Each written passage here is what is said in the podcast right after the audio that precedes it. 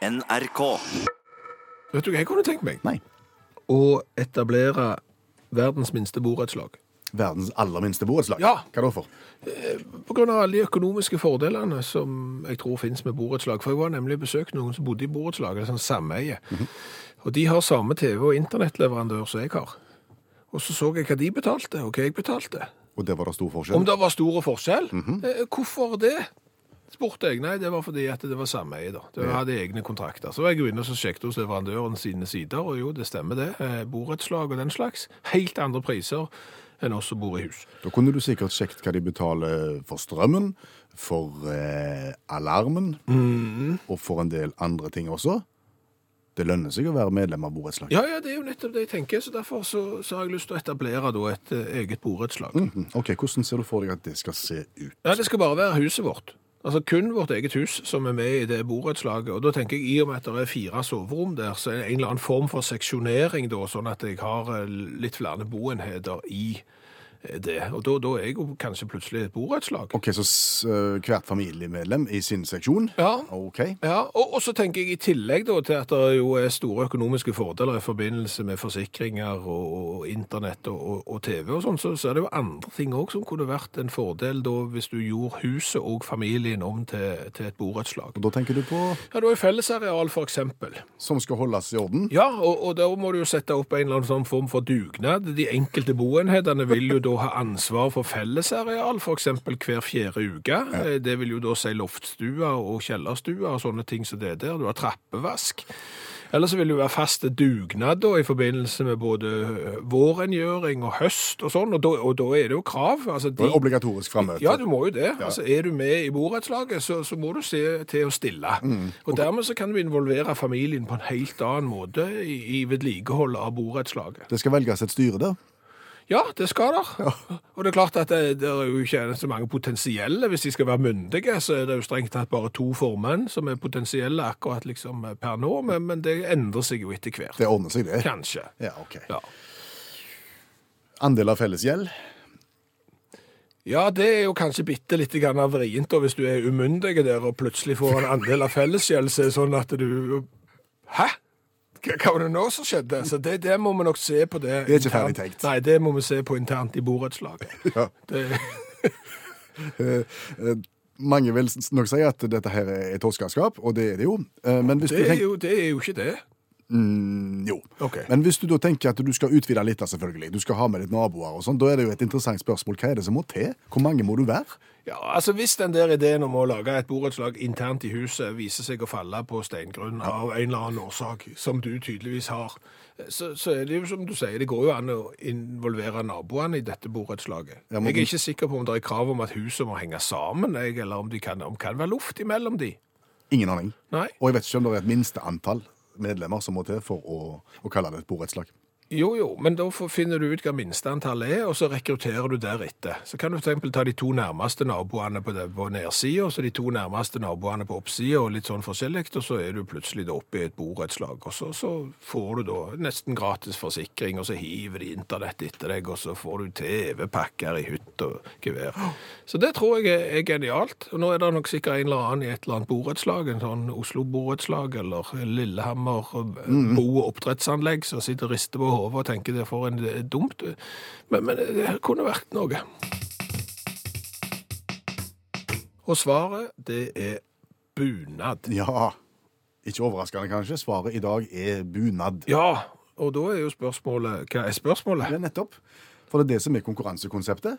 Vi gir svaret, du må finne spørsmålet, og det beste spørsmålet får premie. Ja, og der kan det være faktaspørsmål, der svaret er bunad, selvopplevde katastrofer, der svaret er bunad, selvopplevde artige situasjoner, der svaret er bunad. Bare svaret er bunad, så kan spørsmålet nesten være hva som helst. Du har en eh, halvtimes tid på deg fra nå, og du har to alternative måter å gjøre det på. Du kan enten bruke SMS, da sender du den til 1987, starter meldingen med utakt, og så koster det én krone. Og så har vi ei gruppe på Facebook som heter Utakt, og der ligger det et bilde av deg, Per Øystein, i bunad, og så er det bare å fylle på med gode spørsmål til svaret bunad. Godt. Og så trekker vi da vinner. T-skjorte med V-hals og utakt-logo mot slutten av programmet. Jeg tror det var tydelig nå, var det ikke det? Det er så tydelig at det er forbilledlig. Lykke til. Når var du russ? 1989. 1989. Ja. Det var du òg. Jeg òg var russ i, i 1989. Og så er det jo sånn at den stadige diskusjonen som vender tilbake på omtrent dette tidspunktet her hvert eneste år, det er at uff, den der han er russen. Den der han er russen. Sånn så de farer fram. Har aldri vært så gale som det nå. Nei. Nei. Så sitter vel kanskje vi med et inntrykk av at når vi var russ i 89, så var det ikke noe bedre da. Nei, tvert imot. Nei, jeg har hatt russ i huset i år, jeg har hatt russ i huset i fjor, og jeg syns ikke at vi som russ i 89 var hakket verken bedre eller verre enn de var i år og i fjor. Og Vi er jo litt opptatt av perspektiv i dette programmet. her. Så derfor, når denne diskusjonen kommer opp, så tar vi da med oss opptaksutstyr og besøker redaksjonens eldste medlem. Ja, Bestemor di, Ja. Eva Ryen, 104 år. ja født i 1915 da, og, og husker jo da russen på 20-tallet, og kan sette dette i perspektiv. Ja. Ja. Men var du russ sjøl, Eva? Nei, jeg hadde bare realskolen. Det var ikke så alminnelig med russ i min tid. Men var der russ Det var russ, ja. Det var russ, men, men det var ikke, det var ikke eh, så voldsomt. Men jeg husker godt at det første russetoget det var sånn Stakkar, de hadde en liten rød lue på toppen. Det husker jeg. Da de skulle gå i 17. mai-toget. Men ellers så var det jo ikke noe pyntet eller noe. Ja, litt det samme den hua som de har i dag, men ellers var det ikke så mye likt. Nei. Ingenting til sånn som i dag. Og du vet, eh, 17. mai-toget, når de ropte hurra litt høyt, det var ikke mer sjau. De gjorde jo liksom, skapte seg sånn som de var fulle, og det husker jeg. Altså gjorde seg til sånn. Men uh, det var jo aldri noe som kunne se på en rus at han hadde brukt noe alkohol. Det var, fantes ikke sånt. Det var eh, veldig pent russetog. Stilig, for å si det på den måten. Og da er vi helt i begynnelsen av 1920-tallet. Ja, det, da var det russetog. Når begynte russen å bli litt galnere? Ja, det var etter jeg var ferdig med skolen. Etter jeg hadde tatt realskolen og alt. Det var, det var nok etter det. Men uh, meget beskjedent. Men de fikk iallfall lov å gå og rope. De hadde en sånn, alltid en sånn russesang, vet du. Sånn som de hadde lagd sjøl. Og den gikk de jo og sang i russetog om igjen og om igjen. Så, og, og de fikk lov å gape så mye de ville. Men det var ingen som hadde russebil, det var ingen som hadde russadress, og det var ingen langt ifra. De hadde ikke det. De var pyntet med noe rødt, og de hadde den russeluen. Når jeg begynte å bli voksen, da kom det jo. Da var det russedresser. Så ble jo du lærerinne, og så bodde jo du ved siden av traseen til russetoget i over 60 år. Merkte du noe forskjell på russen på disse åra? Ja, det vil jeg si. Da vi kom, vi kom fra Trondheim og så russetoget her i Stavanger, da var det jo, syns jeg jo de var galne. Ja, da er du i 1946, da. Ja, kan du begripe og skape seg? Vi syns de var helt forferdelige. Og de gapte og gapte. Men det, var, det gjorde de. Men det var ikke sånn som nå. Det var jo fredelig russetog allikevel. De gikk og heide. Eh, vi så jo det i Trondheim også, da vi bodde der. Ja, det var 17. mai 1945, det. Ja. Men da var vel alle galne? Da var alle galne. Og det var enda mer enn eh, på grunn av at krigen var over. Men hva syns du om russen i dag, da? Det som jeg syns er verst, er at det har utartet sånn. At det skal absolutt være eh, alkohol med. For det ser vi jo. Jeg sto på vegne i vinduet her den 17. mai for noen år siden. Det er ikke så mange år siden. Og da kom russetoget eh, gående Egenesveien. Da var det slutt. Og så hadde de delt seg opp. Og da var det en russ som var så full at de bare bar og så la de det på et stengjerde rett over gaten hos oss. Et gjerde som gikk nedover der. Så bare tok de og la han opp der, og så gikk de videre. Det gjorde et veldig inntrykk på meg. De må ha det moro, det fortjener de. De må jo gjerne ha det moro og være glade. Det er koselig å se. Men eh, jeg syns det har utartet, det med alkohol. Jeg må bare ta opp én ting til. Du var ute på kjøpesenter her i eh, forrige uke, og da ville du ikke gå med rullator. Nei, Hva da for ikke? jeg syns ikke det var nødvendig. Så så gammel ut hvis du går med rullator. Ja, jeg syns det.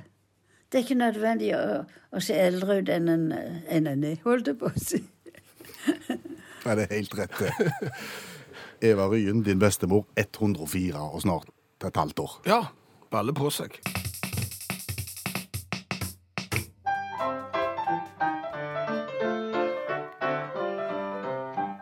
Det var en annen sang. Ja, det var en annen sang. Det var dagens eh, revyvise, og i dag så skal vi til Daily Mail, der har jeg funnet en sak, men den er egentlig fra Kaukasus, og det var det som fanga meg. Det var jo første setning i eh, denne eh, saken her. Der står det 'Født i 1896 i Kaukasus'.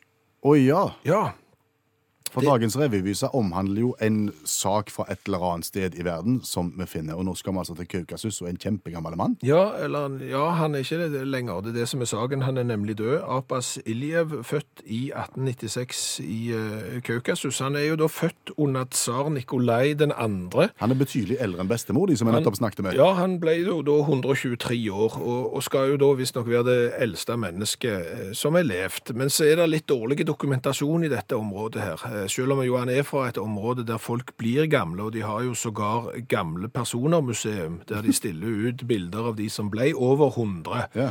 Men akkurat eh, Abbas har litt dårlig dokumentasjon da, for, for eh, alderen sin. Hvordan kunne han bli så gammel, da? Nei, altså han har jo passet på da også å drikke melk, selvfølgelig. Det er jo viktig. Sikkert yoghurt òg. Kildevann, sove elleve timer og jobbe trutt. Jevnt og trutt. Han var da gjeter i, i alle år. Gift, eller? Ja, det er jo en artig historie. fordi at eh, kona levde jo helt til, til 2014. Jaha. Eh, og da, han traff henne på traktor. Oh, ja. Eh, Han kjørte traktor én vei, og så kommer det en traktor imot andre veien, og så ser han der sitter det ei, men hæ? Så sov hun. Kjø- Kjørte du sovende? Ja, så da hiver jo Apa Siljev seg rundt med traktoren, og så legger han jo på hjul etter den sovende traktoren, og så ble de da kjærester. Så det, det er oppsiktsvekkende eh, greier, hele historien. Han har jo annet eh, tjenestegjort i første verdenskrig, Ja. og når andre verdenskrig kom, så meldte han seg jo til tjeneste. Ja. Da sa de nei, du er for gammel. så han var på en måte pensjonert allerede under andre verdenskrig. Så vi snakker gamle folk her. Og dette har du skrevet revyvise om? Ja, og igjen. Første setningen som fanga min oppmerksomhet i, i denne saken, var jo født i 1896 i Kaukasus. Det ligner litt på en annen sang, det. Ja, det var derfor jeg bytta melodi i dag. Født i 1896 i Kaukasus. Vokste opp på yoghurt, melk og kalvesus. Han var gjetergutt det meste av sitt liv. Men nå er han død og ligger der helt stiv. Apasiljev var hans navn. Han var kriger, han var verdt en million. Første verdenskrig og russisk revolusjon. Men i 1940 fikk han en lei leksjon. Du er for gammel, du må gå av med pensjon. Abbasiljev var hans navn. Han var hyrde og naturens beste venn. Over 800 dyr fant han igjen. Egne tenner i sin munn, det hadde han. Null hull og gull i tann hos verdens eldste mann. Abbas var hans navn. Så moralen her i visa, den er klar. Vil du bli tipp-tipp-tipp-tipp-tipp-tipp-oldefar? Sørg for elleve timers søvn før natt blir dag. Kom deg på jobb, spis sunt og ikke sitt og klag. Abasiljev var hans navn.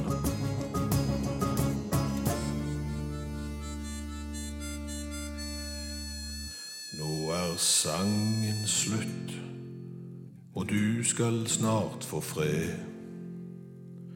For selv de aller eldste stryker en gang med.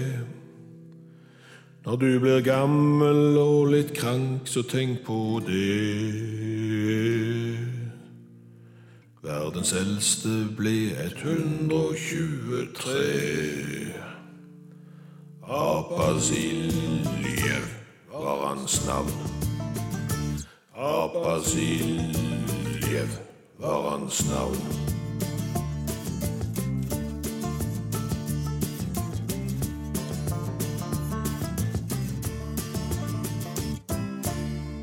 Du er klar for ei lita gåte? Ja, Nå skal du få høre en lyd, og så skal du gjette hva dette er lyden av. ok.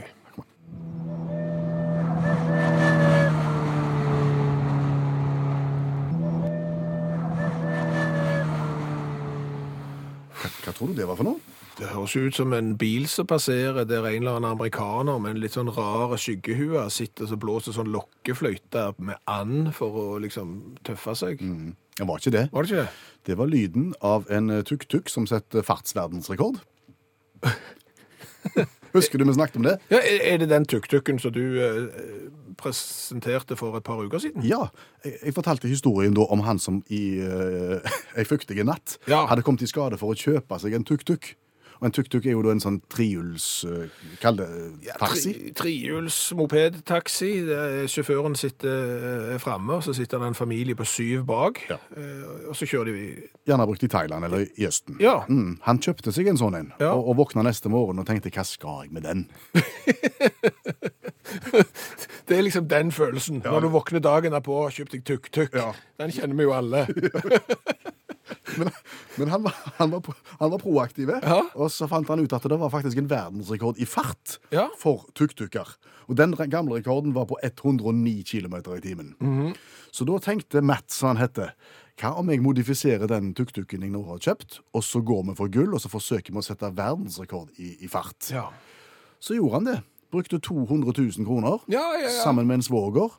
Og så gikk de fra 350 kubikk til 1300 kubikk. Ja, ja, ja. Og så venta de på godvær, og godværet kom denne uka. Så rigga de seg til på det som heter Elvington Airfield i Yorkshire, England, og så ga de gass. Ja. De håpte å nå en fart på 145 km i timen. De endte på 119, 119, ja. men det er 10 km i timen fortere enn den gamle rekorden. ja, ja, det er det jo. Og Guinness var til stede, OK. så nå er de registrert i Guinness rekordbok som eiere av verdens raskeste tuk-tuk. Ja, verdens dyreste tuk-tuk også. Det er det også. Og da tenker jeg at vi er kommet så langt i programmet at vi må finne fram ei utakt T-skjorte med V-hals som skal deles ut til det beste spørsmålet. Ja, for svaret det ga seg sjøl i dag. Det var bunad, men spørsmålet var jo hva er spørsmålet? eh, skal vi begynne med Herman Myrseth sitt lange, intrikate, kompliserte spørsmål? Det kan vi godt gjøre, så er det gjort, liksom. Ja. Ja. Hva er ekstremt dyrt?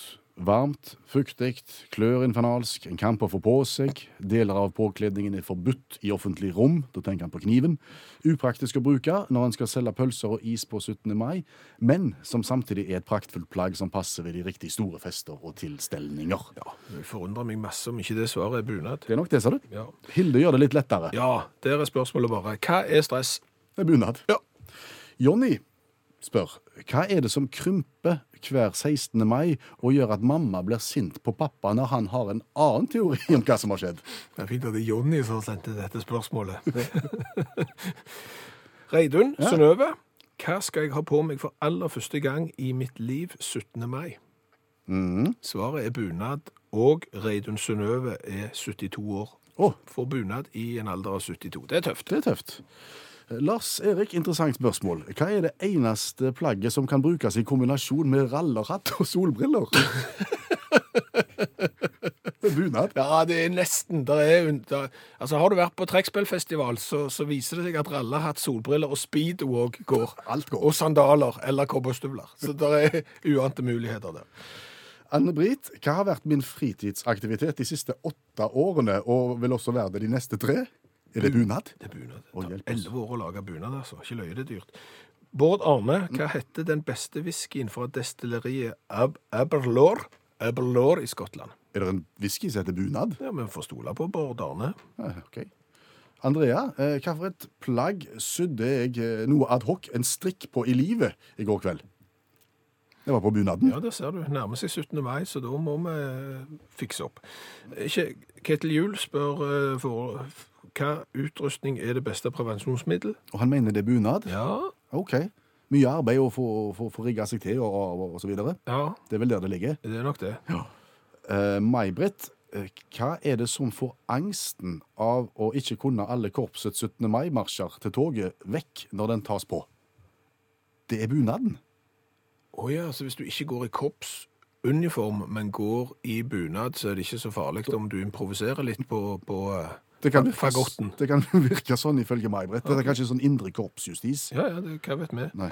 Bent, Mm. hva fikk husets 15-åring som nå skal konfirmeres, og som koster mer enn verdien av begge husets gamle biler sammen?